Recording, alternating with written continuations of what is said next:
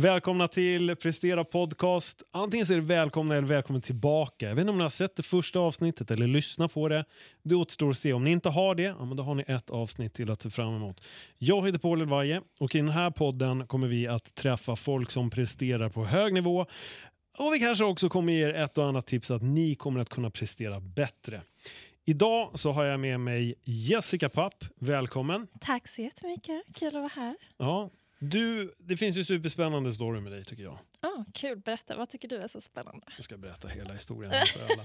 Nej, men det, det är, du har under väldigt kort tid nått bra framgångar inom den här branschen. Det känns som att du kom lite från ingenstans och helt plötsligt så var du överallt. Här är jag. Ja, exakt.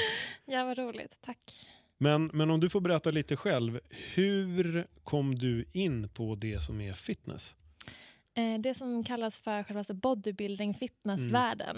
Mm. Det var inget mindre än att jag faktiskt satt och kollade mycket på Youtube. Jag har ridit hela mitt liv och efter 18 så kan man liksom inte tävla sin ponny längre. Och jag varit lojal mot min ponny och kände jag vill inte skaffa någon stor häst. Jag är en liten tjej, jag behöver inte byta ut den. Och eh, så på Youtube, de här eh, stora härliga brasilianska tjejerna med stora lår, stor rumpa och lite, lite eh, tyngre underkropp. Och jag bara, jag som en hästtjej får ju naturligt ganska tight core men större lår.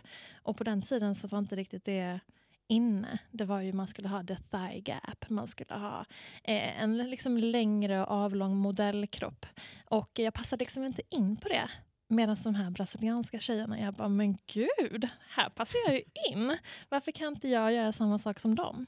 Och jag kände att eh, det är väl bara att se hur andra har lyckats och hur de har lyckats och hur kan jag göra för att ta mig dit? Ja. Så där började det? Där började Youtube och mm. brasilianska tjejor. Vem gillar inte det liksom? Ja, så att, eh, jag kontaktade en coach och eh, började min eh, första diet. Och ganska kort inpå så när jag testade det så fick jag direkt resultat och fick mycket lovord. Testade det bara några månader tills jag hade en sambo på den tiden som inte riktigt samtycktes i, i det och tyckte att min kropp blev väldigt för tight, för eh, rak och nästintill lite manlig tyckte han. Eh, och då var jag tillsammans med honom i sju år. Eh, och kände att eh, men hans ord väger ju tungt. Så att jag går och skaffar mig ett par silikonbröst som jag alltid ville ha och eh, slutade dieta.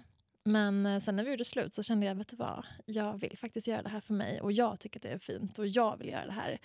Så att jag skaffade en ny coach och gjorde om det en gång till och sen så var det bara att hoppa på. Eh, sen så, det blir lite så när man är duktig på någonting eller någonting går bra eh, och man får en community som hejar på en då är det lite lättare att fortsätta. Mm. Men du, då vill jag backa här Gör till pojkvännen ja. eh, som säger att så här ska det inte vara. Nej. Du börjar bli för manlig, för det är någonting som man hör väldigt ofta. Mm. Hur är det att, eller liksom, hur var det för dig att vara där och känna att jag vill det här men ändå liksom backa några steg? Precis, det är ju alltid väldigt osäkert att hoppa på något nytt eh, och det är ju liksom hela din fysik som kan ändras. Eh, du tar av något extra kilo som du kanske aldrig tidigare har känt att du har behövt ta bort och ta bort det och helt plötsligt börjar du bygga och känna att du konstant ska bli större, större, forma den och eh, vi som naturligt kanske inte har så mycket till bröst eller den här, eh, vi har lite mer fett på höfter och sånt och det börjar försvinna eh, så kan det bli lätt att du kanske ser rakare ut eller du ser lite mer muskulös ut och eh, det är många män som kanske skulle antyda på att din kvinnlighet försvinner. Eh, och det var ju såklart jättetufft för mig att höra att jag inte längre är lika attraktiv för min man. Eh, men det är inte riktigt, kanske, det är inte mig det är fel på egentligen, mm. eh, kan jag ju tycka, utan han borde sett liksom vad det är jag försöker göra och att det är en process och liksom peppa mig och tycka att det är liksom en rolig grej. Sen finns det såklart mycket alltså, risker i det också. Och det är klart att om du inte är insatt i det och inte kan besvara dessa frågorna som din sambo kanske ställer så blir du väldigt osäker. Eh, och där gäller det att du har en bra coach och faktiskt är tillräckligt insatt i det. Så jag tror att du oftast inte direkt ska tänka att du ska tävla utan att du direkt tänker att du kanske ska testa på det. Först kanske bara kosten eller först bara träningen eh, och sen hoppa på en diet eh, som är inför en scen. Eh, jag kanske gjorde det lite väl snabbt. Ehm, och det kan jag tycka att också ligger lite i coachens ansvar i att säga att vet du vad, testa på det här nu ett halvår, ett år se hur det känns, att det landar hos dig, landar hos din familj eller din sambo, partner. Eh, och sen när du väl har testat på det, då kan du hoppa på scenen. För hur länge hade du tränat? Alltså när, när du hittade det här, jag antar ja. att du redan tränade då, eller var det videosarna som fick dig gå till gymmet? Jag tränade lite, absolut. Mm. Eh, men jag gjorde såna här uh, six week challenges, eight okay. week challenges. Mycket så här uh, tre dagars detox och vet, sådana grejer man hittar lite snabbt och enkelt på internet. Mm. Eh, bara för att jag var ju nyfiken på hur kan jag liksom fortsätta använda min kropp fysiskt. För att jag är så van vid att jag tävlade i åtta år med ridning. Och helt plötsligt så tar någon det ifrån dig och du inte får lov att tävla längre så blir du lite vilsen och vill hitta något nytt. Så jag var liksom i en sökande fas på var kan jag utsätta samma fysiska aktivitet och vart kan jag lägga den tiden istället för i stallet. Mm. Och då blir det ganska naturligt att hoppa på och hoppa på och hoppa på massa grejer tills du känner att det här är någonting som jag verkligen vill satsa på. Um, och det var mycket frågor på den tiden i alla fall som jag kände att jag inte kunde besvara eh, förrän jag testade det. Får jag bara fråga, när du säger frågor som du inte kunde besvara, ja. vad är det du menar då? Det var ju mycket med eh, risker på hur är det att utsätta sin kropp i en... Eh, det kan vara först att du kanske äter väldigt mycket mer. Det kan finnas vissa coacher som kan vara att du ska bulka upp och bygga massa muskler och äta otroliga mängder. Eh, och hur kan det påverka din, din kropp överlag. Eh, sen är det då att du ska gå på ett underskott. Hur påverkar det dig som kvinna? Kommer det som de kallar så här hormonell obalans, vad betyder ens det? Eh, mm. hur kan det vara med att du kan få akne, du kan få eh, liksom, kroppen ändras fysiskt, du får bort fett som du tidigare inte har fått bort. Eh, du kan få bortfall av menstruation, du kan få bortfall av sexlust. Eh, och frågan är mer varför och kommer du tillbaka och varför ska man utsätta sin kropp för detta? Eh, och behövs det verkligen på riktigt? Eh, så det är många som säger att ja, men fettet är the enemy, du ska inte äta fett alls, eller du ska inte äta kolhydrater alls, eller du ska äta eh, en hemlig eh, ingefära-shot på morgonen. Eller det, det finns massvis med hittepå-grejer också. Eh, och då måste du kunna vara tillräckligt utbildad för att kunna säga att det är så här det ska vara, eller det här är egentligen onödigt, det här är bara en extra grej. Eh, och där och då har du inte all den faktan. Jag tror att vissa mm. coacher, inte ens som har gjort det här flera år, kan ibland besvara alla dina frågor. Eh, så att, eh, ja, det var lite sånt som jag inte riktigt visste där och då vad jag gav mig in på. Okej.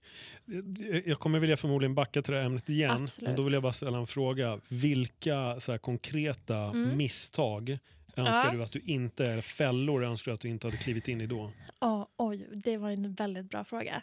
Eh, första fällan var ju en eh, coach som sa att jag i princip skulle ta bort all kolhydrater. Jag åt inte en enda kolhydrat innan jag gick upp på SM-scenen för två år sedan. Eh, I över tre månader. Och jag åt samma grönsak i 100 gram per måltid och det var zucchini.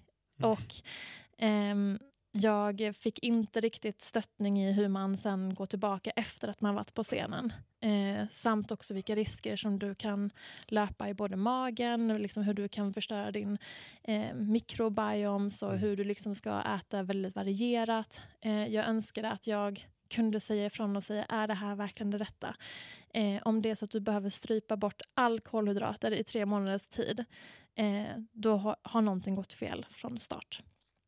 Eh, och jag tycker att man ska göra det mycket långsammare. Eh, sen så hade jag också önskat att jag hade en coach i början som inte eller som förstod att man också behöver vila. Mm. Eh, du kan inte vara, eller ska inte behöva vara på gymmet varje dag i tre till fyra timmar bara för att du ska stå på scen. Eh, så att eh, de är de största grejerna. Mm, kosten, att äta varierat, att inte utesluta en, mål, alltså en kostgrupp eh, och eh, vila då är de absolut största grejerna som jag önskar att jag kunde då. Låter som att alla springer på en dålig coach första gången och sen hittar de en bättre. Ja, ja, jag tror att oavsett vilket, jag har ju själv bytt coach några gånger. Mm. Och mycket har också gjort med att man såklart har växt. Det vill säga att det krävs nya utmaningar desto högre nivå du kommer till. Mm. Eh, och eh, det kan vara bra ibland att ha en atlet som... Alltså, jag var, har varit en atlet som har ställt noll frågor och bara gjort det som står på papper. Varit programmet. Du kan, du, alltså, om de frågar har du gått utanför, jag kommer alltid säga nej. Eh, och eh, alltid göra det där lilla extra. Eh, men det har också gjort att man kanske bara har varit ganska förblindad i det. Eh, och inte tänkt på, skulle det kunna finnas andra metoder för det här? Ehm, och ibland behöver man byta coach för att se annorlunda på det. Men du som kommer från NPC-världen Mm. eh, och jag som har varit på IFB Elit. Eh, det är stora skillnader där också. I både attityden och liksom sättet på hur du ska vara på scen och prestera för scen. Jag ska egentligen inte vara lika tight som du eh, är på liksom NPC-scenen. Eh, så att då blir det ännu mer att du måste hitta rätt coach som förstår vad det är du ska prestera inom. Mm. Eh, och jag gjorde misstaget att till exempel ha en coach som har tävlat med NPC-atleter. Okej. Eh, så det var ett misstag. Jag måste ju ha någon som vet vad jag gör och vad jag ska vara bra på. Mm. Eh, just där jag är där och då. Och eh, du måste jag fråga mig, för du gick också in på det här med menstruationen som kan försvinna, Ja, eh, sexlusten. Eh, var det någonting som du själv råkade ut för? absolut. Eh, och jag trodde att det var något fel på mig. Ja. eh, i form av psykiskt kanske. Och jag förstår min partner också som inte heller förstår vad det är som sker. Eh, och att det kan vara lite läskigt. Det är Mm. många som normaliserar det och säger att så här, ah, men det är bara liksom sånt som sker så fort du hoppar på en diet. Men i folk frågar inte så här, okay, men vad kan jag göra samma resultat men kanske utan att det försvinner. Hur ska man kunna rädda det så länge som möjligt? Och då säkerställa på vad det faktiskt är för typ av risker man utsätter sig själv för för att kunna göra den här så kallade extremsporten. Mm. Och redan efter min första diet så där var det liksom hur enkelt som helst. Jag hade mensen hela tiden och jag hade jättebra sexlust konstant i liksom första perioden. Sen så andra dieten så blev det helt annan grej. Då var det liksom Först var det att jag hade mens varje dag och förstod inte varför. Um, det tog aldrig slut. Och jag var liksom så himla undernärd. Um, och var liksom, jag kommer ihåg att jag gick upp, jag skulle till SM, var på tåget ner och ställde mig upp och blev yr. Och bara wow, det är sånt som kan ske, man får lite blodfall. Um, det var inte en lång bit upp från liksom, tåg, liksom, stolen upp. Och då var det en kvinna som tittade hela tiden mot mig och jag tänkte att men gud, är hon så, flörtar hon med min kille eller vad gör hon? Men hon kom fram till mig och bara, jag är sjuksköterska och jag ser att du verkar inte må så bra. Hur kan jag hjälpa dig? Jag bara, nej då, jag är på väg upp till SM-scenen. Det här är så här det ska vara när man ska upp på SM. Eh, och liksom hela tiden skyddade det eh, och konstant var snabb i käften på hur det är så här det ska vara. Liksom. Till och med min pappa kom fram på SM och han har alltid stöttat mig. Men han var så här, Jessica, jag ser att de andra äter i alla fall någonting innan de ska upp på scen. Och jag bara, nej min coach säger att man inte ska äta innan scen. Och enda anledningen till varför man äter är de som är svaga och som är uttråkade som äter innan de går upp till scen. Man vill inte ha en liten, inte ens en bit i magen innan man går upp. För att det ska vara så tight som möjligt. Men eh, det är ju inte riktigt sanningen, eller hur? så att, och jag drack inte ett enda glas heller för jag tänkte att det var för de svaga. Eh, så att jag skyddade det så himla mycket. Eh, och eh, ja, jag var liksom eh, lite, lite för dum mot mig själv. Eh, och sen så kommer jag faktiskt ihåg att det var SSN-gänget som faktiskt sa till mig, precis när jag skulle upp på scen, de bara, du måste äta. Och bara tryckte i mig en hel kaka. Eh, och liksom, om jag inte hade gjort det, jag, hade, jag vet inte om hur jag hade mått uppe på scen. Så att eh, ja, man lär sig. Eh, och eh, det här med sexlusten har ju också varit någonting som jag verkligen inte förstod mig på. Att det var någonting som var kopplat till eh, dieten. Eh, för att när man pratar med vissa, man bara, okay, men har du sex genom hela? Eh, och många som bara, ja men gud ja, vi är vilda i scenen, eller på, i, i sängen. Och jag bara, men varför? Och då kopplar jag liksom inte att vissa kanske faktiskt har performance enhancement grejer som gör att de upplever att de har mer sexlust när de ligger på ett underskott.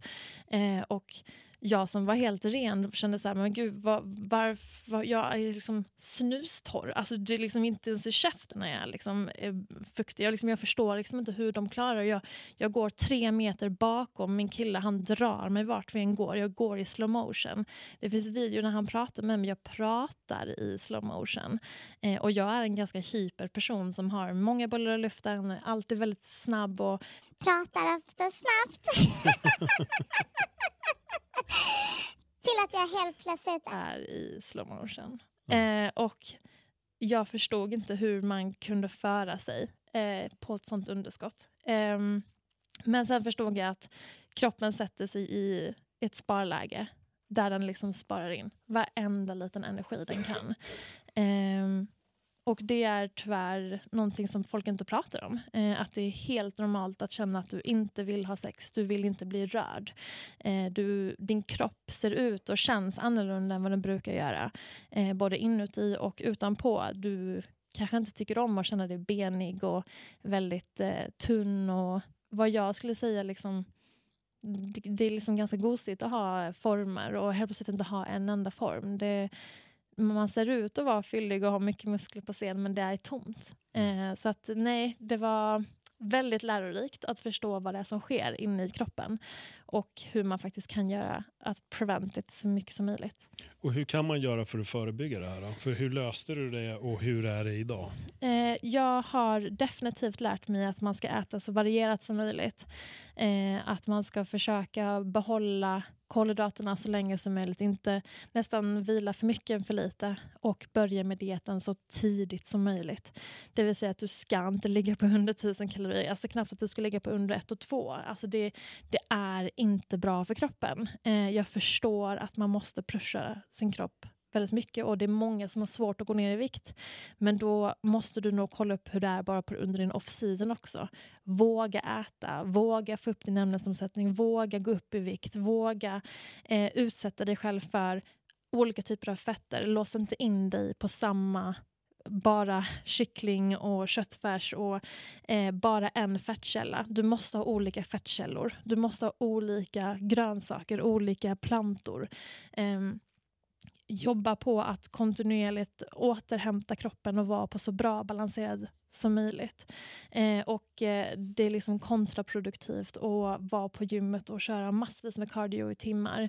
Eh, det ska du inte behöva göra. Eh, jag fick sen en coach som gav mig mycket mer mat och vi började liksom ett halvår innan scen. Ett halvår innan. Inte så här 12 veckor. Alltså folk som säger att 12 veckor räcker, ni är galna. Det, det är galet. Du kan inte trycka kroppen så mycket. Om du nu gör det, du kommer ett inte se, se hälsosam ut. Du kommer inte orka någonting. Hur har du tid med att ens vara med dina nära och kära? Att bli berörd, att, att vara nära, ha alltså, din community, var, prata, ha tid med varandra kommer också göra att du liksom blomstrar mer inuti. Att inte bara vara för inlåst på gymmet. Och vara ifrån social kontakt. Eh, du måste prata med folk, du måste våga gå ut och hänga på restauranger och, och ha tid med det. Eh, och du måste liksom äta kolhydrater, fett och protein. Kolhydrater utesluter inte det. Ehm, och sen så då som sagt att våga vila. Uh, vi drar på så otroligt mycket vätska också och folk förstår inte var den här vätskan kommer ifrån. Men det är stress, det är brist på sömn. Uh, tryck inte i er koffein efter klockan 12 på dagen. Det tar liksom 12 timmar bara för att vara ute från kroppen. Ni kommer påverka sömnen som också påverkar din viktnedgång. Um, så bara gör rätt uh, och tänk på er själva att ni ska hålla hela livet. Mm. Elliot, ser du vad jag sa där om koffeinet bara för typ en timme sedan om att inte dricka efter klockan 12? Jag måste säga att min, min monster här smakar jävligt fint. så vi satt precis och pratade om det Ja, innan. men det är så viktigt och folk är så här, Mm. men gud jag sover dåligt på diet. Ja, du kommer sova dåligt på, på diet för att du, din kropp är och letar efter mat och kommer alltid leta efter mat när du är på underskott. Så är det. Mm. Men hur hjälper du din kropp? Bara du dricker Pepsi eller Cola eller sånt är också koffein. Te är också koffein. Hitta det som är koffeinfritt. Jag har alltid härifrån också bara till exempel pumpen utan koffein. Alltså jag, man behöver inte, lär inte er kropp att bli så pass mycket stimulerad. Eh, för att det påverkar din sömn. Och det finns så mycket statistik som säger att även ifall du faktiskt somnar så kommer du inte in i din REM-sömn som är så viktig. Och du behöver den för att orka vara social. Du, måste, du behöver den för att orka prestera på gymmet. Och du behöver den för att orka prestera med din partner.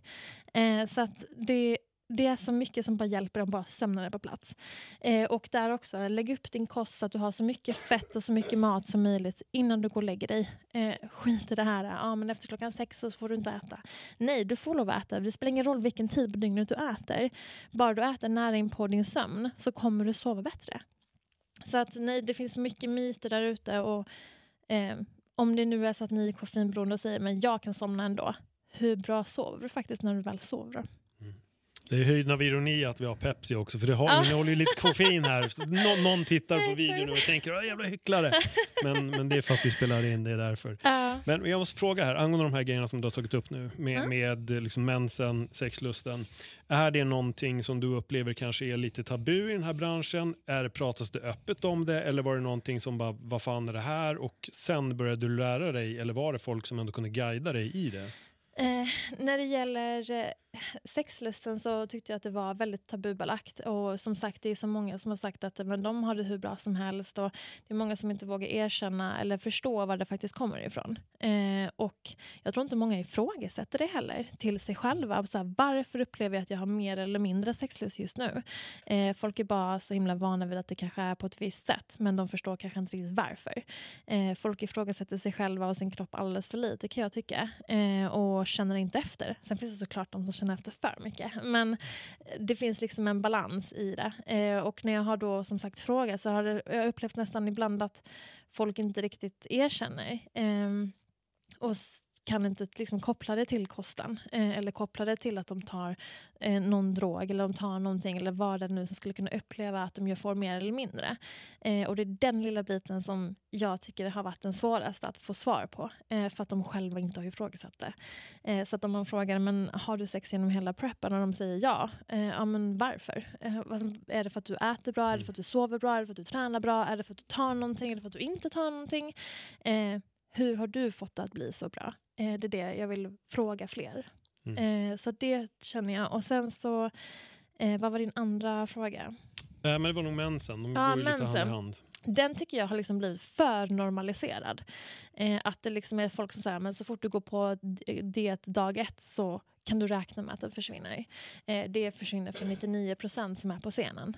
Och det tycker jag också, liksom, det ska inte normaliseras. Nej. Eh, det får inte lov att vara det. Och det ska vara liksom din coach eller din egen, ditt egna ansvar. Nästan att okej, varför försvinner den just nu? Vad kan jag göra för att motverka det? Och hur gör jag för att få tillbaka den så snabbt som möjligt? Eh, och om det nu är så att de... Alltså, när jag gick till en läkare och sa att det här skedde mig, eh, det första de säger är ät. Och jag fattar det, du kan inte bara äta direkt när du är på en tävlingsdiet. Jag förstår det. Men nästa gång du hoppar på en diet och det sker igen, kan du börja dieten tidigare? Kan du, är det någonting annat du kan göra för att motverka den här stressen? Eller påfrestningen på din kropp eh, som gör att du kan behålla den så länge som möjligt. Eh, och om du tar någonting, måste du verkligen det? Behöver du verkligen det? Ifrågasätta den grunden också. För vi som tjejer blir jättepåverkade av det. Eh, jag kan ju säga nu också bara det här med att du jag fick faktiskt tillbaka min mens förra veckan. jag hade en liten fest. Eh, så att jag kände så här, nummer ett, anledningen till varför jag fick, jag la ut det som en liten story på min, eh, min, in, min eh, Instagram. Jag fick tio tjejer direkt. Vad gjorde du? Och liksom bara att de frågar vad gjorde du gör att det finns en okunskap där ute på vad de ska göra. Eh, och jag eh, tappade mitt hår också. Eh, jag tappade extremt mycket hår. Och jag fattade inte att det kunde ske. Det, det här var något nytt för mig, denna preppen, eh, som väckte mig. Eh, jag ha, hade löshår, eh, det vill säga löshår som sitter i, men som inte tar ut under kvällen. Eh, och jag har liksom bytte ett varumärke, jag blev sponsrad av ett nytt varumärke och jag bara, men gud det var så fint hår. Men sen så jag bara, gud de trillar av hela tiden. Så jag bara, men gud är det dåligt varumärke? Så jag bara till min frisör, jag bara, det här verkar vara skitvarumärke. Hon bara, det här har aldrig hänt innan, jag förstår inte. Hon bara, vi lägger i det nytt, vi tar extra mycket tejp. Jag bara, okej, okay. det trillar av igen. Jag bara, vad är det som sker? Så när jag kollar på dem som trillat av, det är inte att tejpen har trillat av. Den har trillat av från hela min hårrot. Det vill säga att min, mitt hår kan inte bära upp mm. längre hår, alltså håret jag lägger i. Och jag bara, alltså jag fick en sån wake-up call. Och jag fick liksom en, en, en kal fläck i huvudet. Och bara, alltså det här är läskigast. Alltså jag drömmer fortfarande mardrömmar om detta. Jag bara, alltså det här är så läskigt att mitt hår inte ens orkar bära upp mitt löshår längre. Så jag direkt till min sponsor, jag bara, alltså jag behöver hår som jag har klippt. Så jag ska ta bort allting nu. Nu är det jag som tar hand om håret, jag tar hand om min hud och jag tar hand om min kropp. Jag ska tillbaka mensen, jag ska tillbaka mitt hår och jag ska tillbaka min fina hud. Vad gör jag? Äta mat. Ät massvis med mat, du ska tillbaka upp till 2000 kalorier, var hälsosam, sov bra, bort med all stress, bort med liksom allt som skulle få dig att må lite sämre. Så det har varit min mission. Eh, och ja, jag sitter här nu 25 kilo plus, men vet du vad? Jag har tillbaka min mens, jag har tillbaka mitt hår och jag har tillbaka min hud. Eh, det är så värt för mig och det kommer ta tid tills man hittar balans. Eh, och det är okej, okay. det är en process. Och vet du vad? Det här måste du räkna med. Om du är villig att offra det du offrar för att gå upp på scenen så ska du vara lika medveten om vad som sker efter. Så då blir frågan, hur känns det nu? Vill du fortsätta tävla eller liksom hur? det är eh, en daglig fråga jag ställer mig själv. Ja, varje så. timme, varje dag. Eh, är det värt det? Är det inte värt det? Jag har kommit väldigt långt. Eh, och lite så här, när jag går till gymmet nu och känner så här, okej, okay, ska jag prestera för att stå på scen? Ska jag bli större? Ska jag liksom pusha? Eller ska jag coola ner? Det känns som att jag vaskar mina muskler. Du vet, det känns som att mm. jag har liksom köpt någonting, alltså ansträngt mig så mycket för att köpa den här dyra kroppen. För det är mycket tid, pengar, eh, det är mycket kärlek, mycket känslor som jag har byggt. Alltså jag har byggt en muskelmassa jag är stolt över. Och att gå dit nu och känna att jag skulle kassera det, alltså slänga bort det, till vadå? Mm. Eh, så att det känns oerhört psykiskt eh, frustrerande. Samma frustration som jag hade när jag var 18 och inte fick lov att tävla min ponny längre. Så känner jag nu. Jag får inte lov att tävla min ponnykropp liksom. För vi wellness-tjejer ser lite ut som ponnys faktiskt. eh, så att jag, jag vet faktiskt inte. Jag debatterar med mig själv. Eh, jag vill göra det på så hälsosamt sätt som möjligt. Eh, och eh, för att kunna göra det på så hälsosamt sätt som möjligt också så hamnar du på en viss nivå inom den här också. Du kan kanske inte gå vidare till mycket högre nivåer än vad jag redan är på. Eh, jag vet inte. Jag, det, får, mm. det får liksom eh, kvarstå. Jag kommer ihåg när jag pratade med SSN-teamet också. Jag sa det att jag vet inte. Eh, för liksom time will tell ehm, hur jag känner. Så länge nu jag har tillbaka allt det som jag kände att jag förlorat eh, så är jag glad. Och då såklart börjar det klia i eh, klackarna. Och, eh, ja, det, är, det är ju en del av mig. Men kan man omvandla det till någonting? Kan jag lära ut nu? Kan jag lära ut tjejerna vad jag gjorde på scen eller vad jag gör eller vad jag vet? Så att de kan göra samma resa på en hälsosammare sätt. Eh, och eh, att de ska vara medvetna om vad de faktiskt ger sig in på. Och jag vill inte trash-talka och fitnessen för den är helt fantastisk. Men det är skillnad på diet och diet. Ja. Och det är skillnad på coach och coach och det är skillnad på din mentalitet och mentalitet. Um, jag vill sprida glädje, jag vill sprida det fina i det. Men du måste vara medveten om signaler som din kropp säger. Uh, ja. Men fråga där då, tror du att det beror på okunskap eller att det du har nämnt är så normaliserat att man bara tänker att ja, men så är det och det är bara en del av resan? Eh, jag tror det är både och. definitivt både och. Eh, jag var definitivt en av dem, det här är en del av resan. Och eh, jag har lärt mig nu mer att det, är, det behöver inte vara så. Vi är så himla duktiga på att läsa på nu. Vi har liksom lärt oss så himla mycket nya grejer. Eh, med tiden, med åren, alltså på bara vad som sker i kroppen av olika koster och hur man skulle kunna kolla upp det på så mycket lättare och bättre sätt. Det är inte längre old school bodybuilding. Liksom. Eh, och eh, jag tycker också att vi, visst, vi, det finns många, jag tycker mycket ansvar ligger ju också hos liksom, atleterna för att om alla kör samma race och domarna förstår vad då, hur de ska döma eh, baserat på det eh, så tycker jag att det liksom ligger lite hos båda. Mm.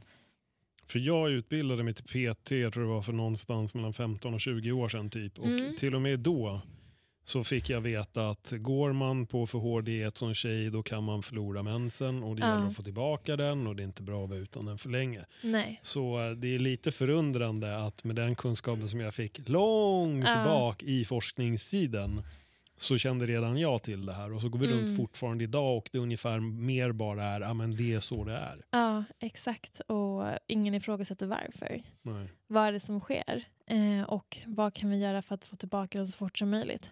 Och alltså, jag tycker också de som inte eftersträvar att få tillbaka den så fort som möjligt har också fel. Eh, att det liksom, så länge du tränar hårt, man bara nej, du behöver vila. Eh, din kropp, du kommer må så himla mycket bättre. Alltså bara det att jag av mig själv fnittrade, skrattade, liksom ha energi att gå snabbare, att prata snabbare. Alltså den här härliga känslan när du kommer ur från bubblan. Det är av mat. Mm. Och det är av sömn. Och det är av att du är med nära och kära och orkar socialisera dig. Så fort du börjar dra dig undan, då är något fel. Du ska inte behöva det. Absolut inte. Jag tänkte, du sa ju att det var lite folk som hade frågat dig Ja, om, om, om hur de hade gjort. Vad, Ja. liksom, kunde du ge mer de här tipsen? Jag vet inte, det här kanske var jättenyligen, men är det någon som har hört av det sig var och sagt förra att veckan. okej, okay, tanken var om det var någon som kanske hade sagt det funkade eller liksom jag är också Ah. tillbaka. Har du fått någonting? Nej, det har jag Nej, inte. Men det är många som har eh, sagt att de vill ha tillbaka den, vilket bara Mm. där är en signal på att eh, ett, att de har förlorat den, men två, att de faktiskt vill ha tillbaka den. Mm. Eh, och att det finns liksom inte många som berättar i så fall hur de har gjort. Så att jag har liksom definitivt kommer vara mer öppen med det. Och jag är glad att jag kan vara öppen med det. Eh, och att folk förstår vad det är som sker. Ehm, så att, ja, och jag är liksom ingen expert i heller så det känns också läskigt att gå ut med massa sådana grejer. Jag är liksom lite emot det här med att du ska äta hormonellt, bla bla bla. Det är inte det, utan det handlar egentligen bara om att du ska äta mat. det är liksom bara det. Eh, du ska våga gå upp i vikt. Du ska inte må så här, du ska inte ha det så här. Eh, och eh, helt enkelt att man ska kunna veta vem man kan vända sig till eller vad är det som faktiskt sker och vilka risker utsätter du kroppen för. Det är en extrem sport av en anledning. Eh, och eh, jag tycker att alla ska inte vara rädda för det. Alltså om det sker så sker det. Eh, men har du gjort allt i din makt för att motverka det?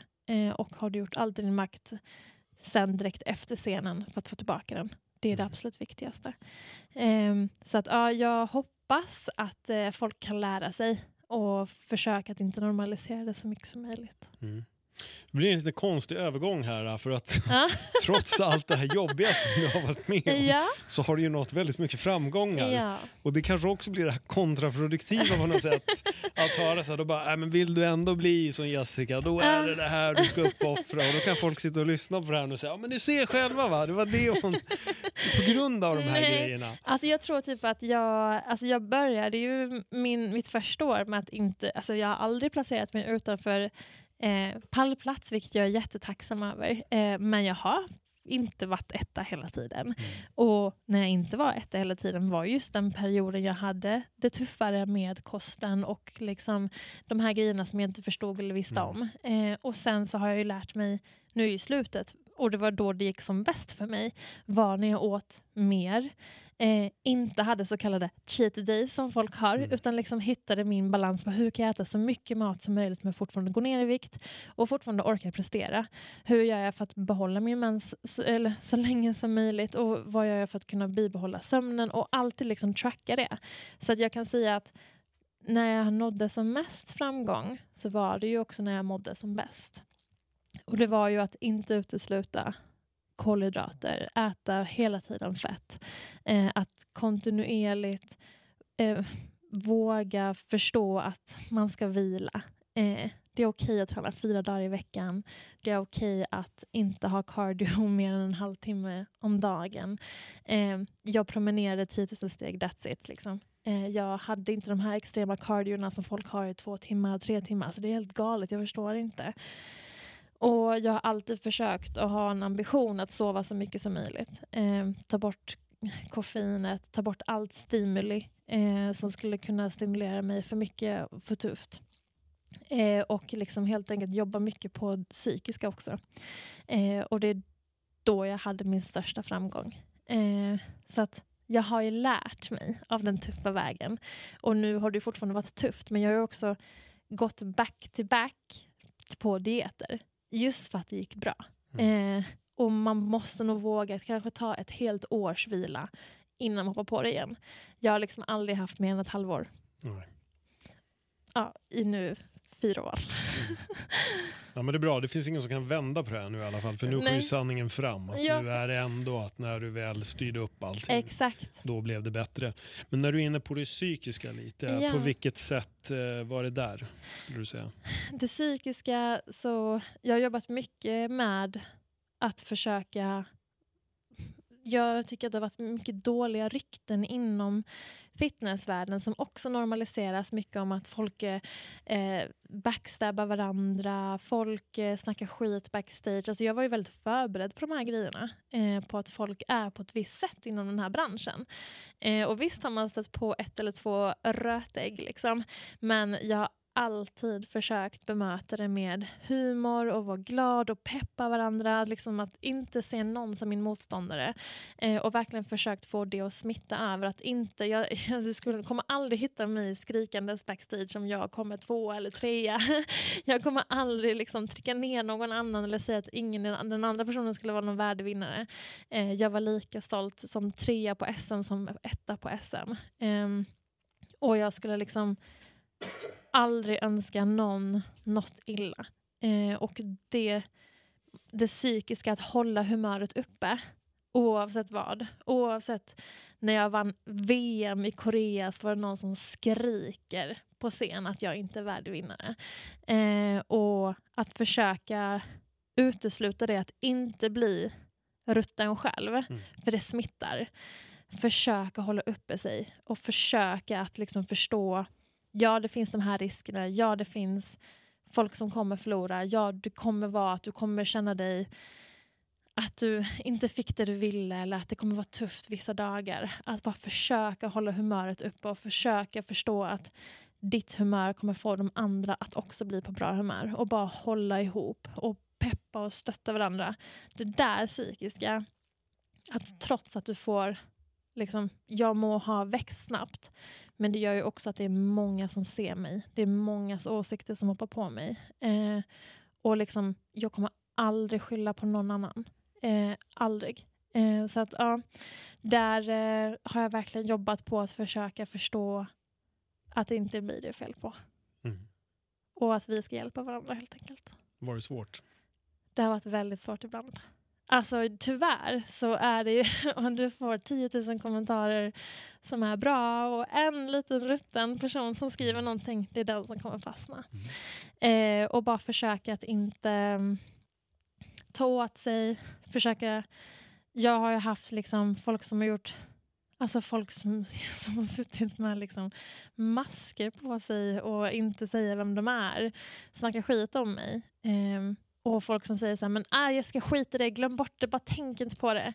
Och jag är så här, nej jag vill fråga varför den här personen säger som den säger. Mm. Så jag kontaktar den personen. Eh, och bara, varför känner du att du har behov av att säga det här om mig? Och vad har du fått för uppfattning om mig? Ehm, och den här personen i fråga som har snackat skit om mig säger tack att du hör av dig. Du är den första personen som hör av sig till mig och ifrågasätter varför jag snackar skit om den. Eh, Mm. För att jag har fått den här uppfattningen om dig. Och jag bara, men varför? Hur? Jag vill också lära mig, vad får dig att tro det här om mig? För någonting utstrålar jag ju som gör, eller triggar dig. Eh, är det dig personligen det triggar? Eller triggar det andra? Utstrålar jag någonting som kanske inte är jag? Hur kan jag gå tillbaka och också analysera mig själv på hur jag beter mig och hur jag för mig? Är det verkligen sannenligt med vem jag är och vad jag står för? Så jag har också gått tillbaka mycket till mig själv på att jag vill ju vara en viss typ av person. Utstrålar jag det jag faktiskt vill vara? Eller kan det missuppfattas? Och sen så är det nästa fråga är, är det någon annan som det är fel på eller är det mig det är fel på? Men vad kom du fram till? Eh, där och då så var det kanske lite arrogans av min sida där jag fick framtvingad arrogans. Mm. Där jag var ju eh, kanske en person som jag, de bad mig att vara som jag inte kunde stå för egentligen. Och där har jag förstått nu i efterhand att även ifall du är i en situation där någon vill att du ska vara på ett visst sätt. En sponsor, en annan person, en liksom, någon som på något sätt och vis skulle framtvinga någonting hos dig som inte är du. Gör inte det. Var alltid dig själv. Och jag har verkligen så här, det spelar ingen roll vad en community säger till dig att vara. Det är samma sak som mig. Jag har blivit, blivit en så kallad influencer. Jag har blivit en person som ska representera någonting där de vill att jag ska vara så stor som möjligt eller jag ska vara så stark som möjligt eller jag ska vara så sexig som möjligt. Är detta verkligen det du står för? Eller är det verkligen jag står för? Mm. Eller är det någonting som en community vill att jag ska stå för? Eh, så det har jag ifrågasatt mig jättemycket, alltså väldigt mycket. För att du kommer få fler likes när du är med ett sexpack, du står lite halvklädd versus om du står med kläder från topp till tå, är något kilo över. Men va, vem är det du vill egentligen gynna och varför? Det har varit eh, väldigt tufft att kunna bara personalisera mig själv i den här kontexten. Och det är alltid intressant att folk också har en åsikt om vem du ska vara. Exakt. Och det är så Mm. himla lätt att du fortsätter för att det är så många som skriker efter att du ska vara det här, du ska göra det här. Det är så många som säger till mig vad de tycker och tänker att jag bör göra. Eh, och Mm. jag tycker det är bra att man får de åsikterna ibland ifrågasatta till sig själv. Vill du göra det här? Eller om någon säger du bör stå på den här scenen eller du bör göra den här tävlingen, eller du bör stå framför den här personen eller du bör bli sponsrad av den här eller du bör eh, göra detta för att ta dig vidare. Men har du ens ifrågasatt mig om jag vill ta mig vidare? Har du ens ifrågasatt mig om jag vill stå på den här scenen? Ja, det är så svårt ibland att bara ta ett steg tillbaka för att du blir så involverad i det. Eh, och ibland när saker och ting är gratis, eh, det vill säga att vad- eller vad de vad det utspelar sig att det är gratis, de bara, men du kommer ta hem det här eller du kommer göra det här, jättebra. Man bara, men det är fortfarande jag som måste prestera, det är fortfarande jag som ska ställa på mig den personliga hatten och säga okej, vill jag detta? Eh, och ibland eh, är det svårare att säga nej. Så jag börjar bli en nej-säger. Mm, det är dit du har gått istället. Eh, nej, men jag har blivit en person där jag liksom går tillbaka till mitt core-jag. Mm. Vem är jag? Och vem vill jag vara? Men jag får av, av att prata med dig här nu en stund. Ja. Det här är min, mitt intryck av dig nu. Berätta, snälla. Ehm, till en början så är du jättelojal. Om någon säger någonting, då gör du det. Som du Mm. sa, med dina coacher. Mm, Om de hade sagt drick vatten i fyra månader, det man gör, då hade Ja, du ja. tänkt, ja, ah, nice, det är det man gör. precis. Och sen har du liksom lärt dig att, okej, shit, jag kan inte lyssna på alla. Mm, Och nu är du då nej-sägaren. Så, så att du, du, du är en, du är en snäll person. Och, Mm. och, och du är lätt att liksom, du följer råden om man säger Ja. så. Liksom. Så jag tror nog att det är korrekt att du vill bli en nej-sägare nu. Många personer behöver bli mer ja, ja tack, absolut, jag hakar på, ja, ja. Men Ja. du behöver nog säga nej och det känns som Ja. att du är, du är där. Att du har liksom där. nått det. Så det var intressant att höra din resa för du börjar Ja. med den här bara, ja jag gör exakt det här, alla är proffs, alla är proffs, jag kan ingenting. Men nu har du liksom börjat fatta att grejen och liksom, äh, den där snackar skit, den snackar skit, nu måste jag säga nej. Exakt. Och att du vill lägga fokus på ditt eget, själv.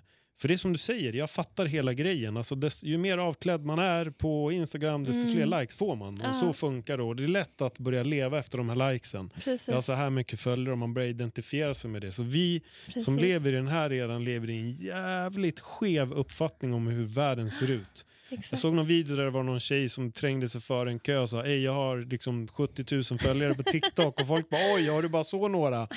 Det blir, det blir skämt på något sätt. Ja, Men jag gillar att höra balansen liksom, och att du nu börjar hitta ditt och att nu börjar du utgå från dig själv istället. Att Mm. du tänker, jag vet faktiskt inte om jag vill tävla, mm, jag får se hur jag vill göra. mm. Men samtidigt så vill du ta hand om ponnykroppen som du Ja, själv sa.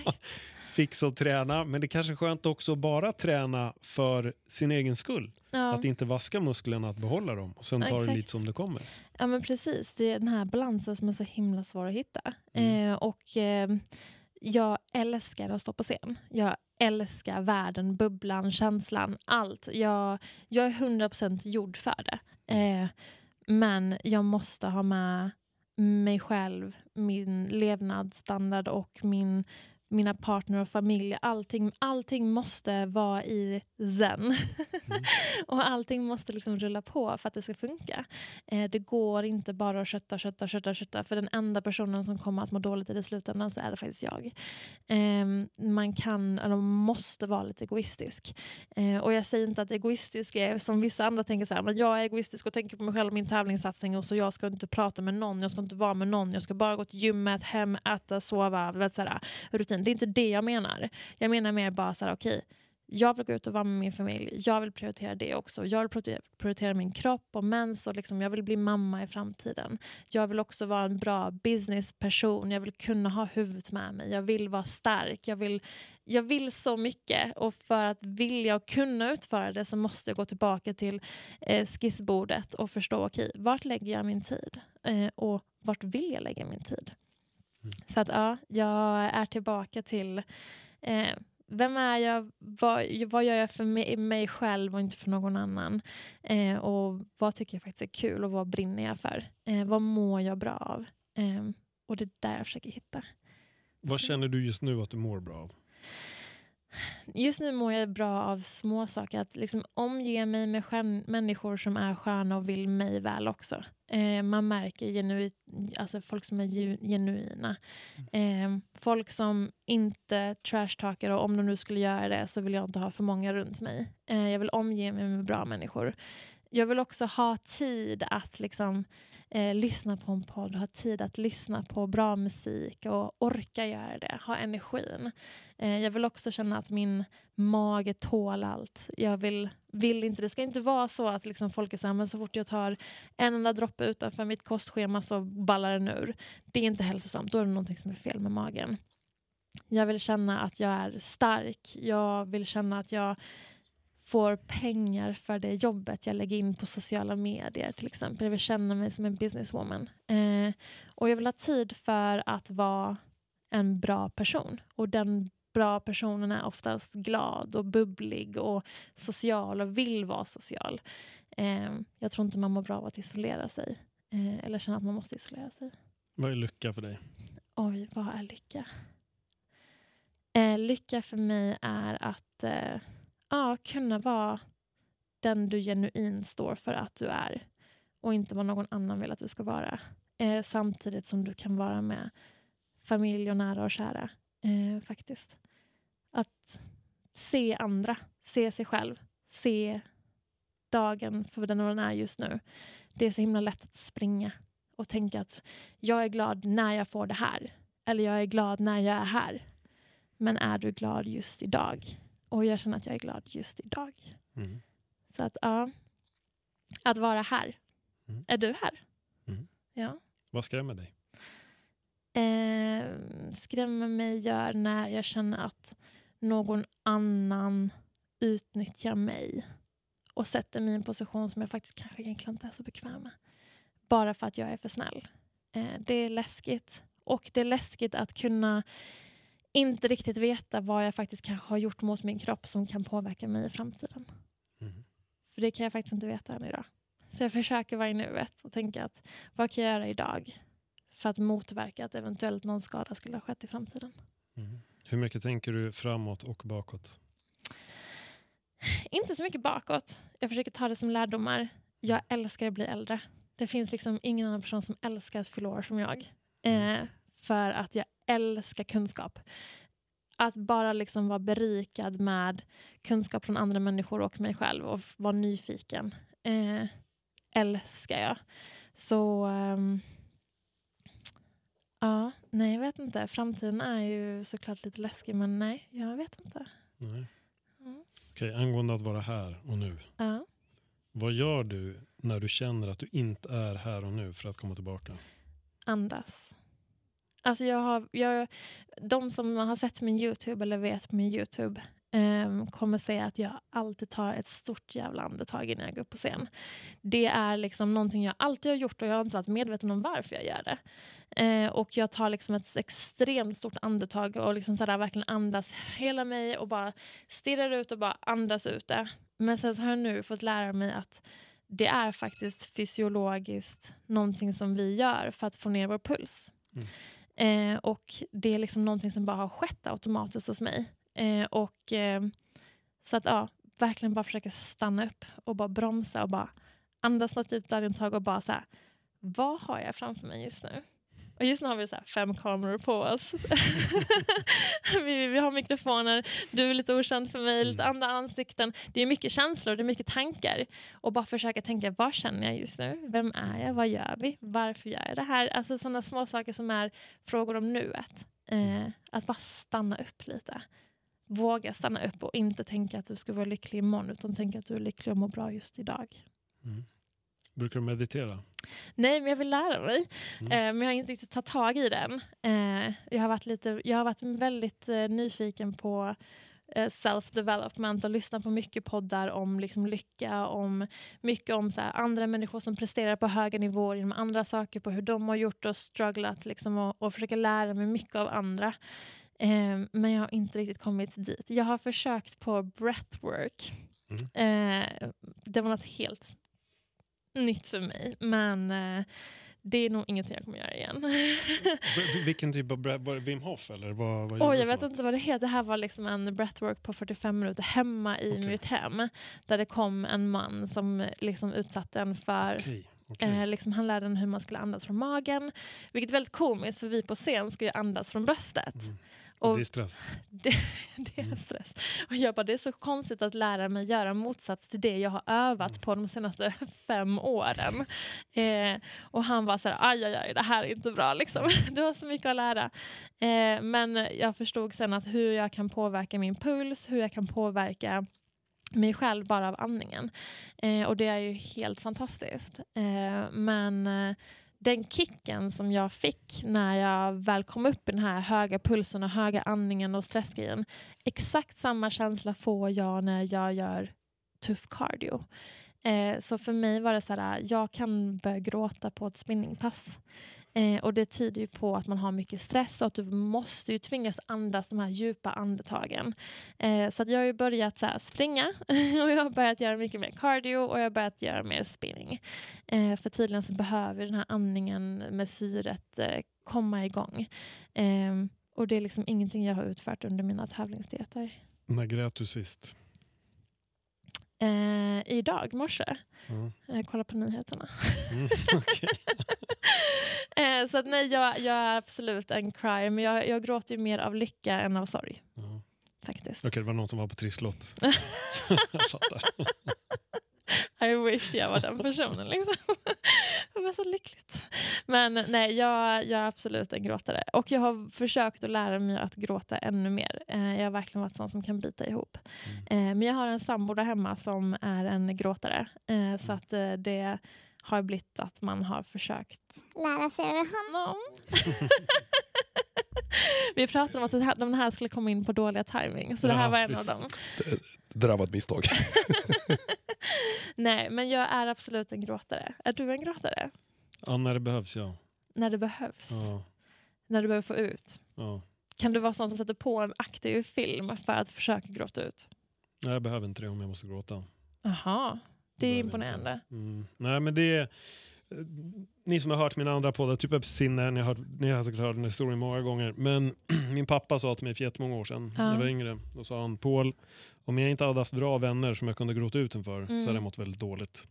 Ja. Eh, så det har liksom aldrig funnits något, har aldrig varit något tabu från min pappa om att gråta. Nej, Utan det har mer varit istället att släppa ut det.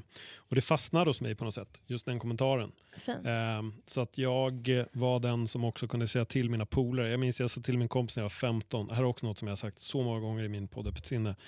Men eh, han hade gjort slut med sin tjej och det, han var inte så bra. Och då sa jag Mm. det, har du gråtit? Han bara nej, min pappa har sagt att män gråter inte. Och så är det, Mhm. skit i vad din farsa säger, gråt. Mm. Dagen efter ringer han mig och säger, eh, jag grät och det var så jävla skönt. Eh, jag mår bättre, tack.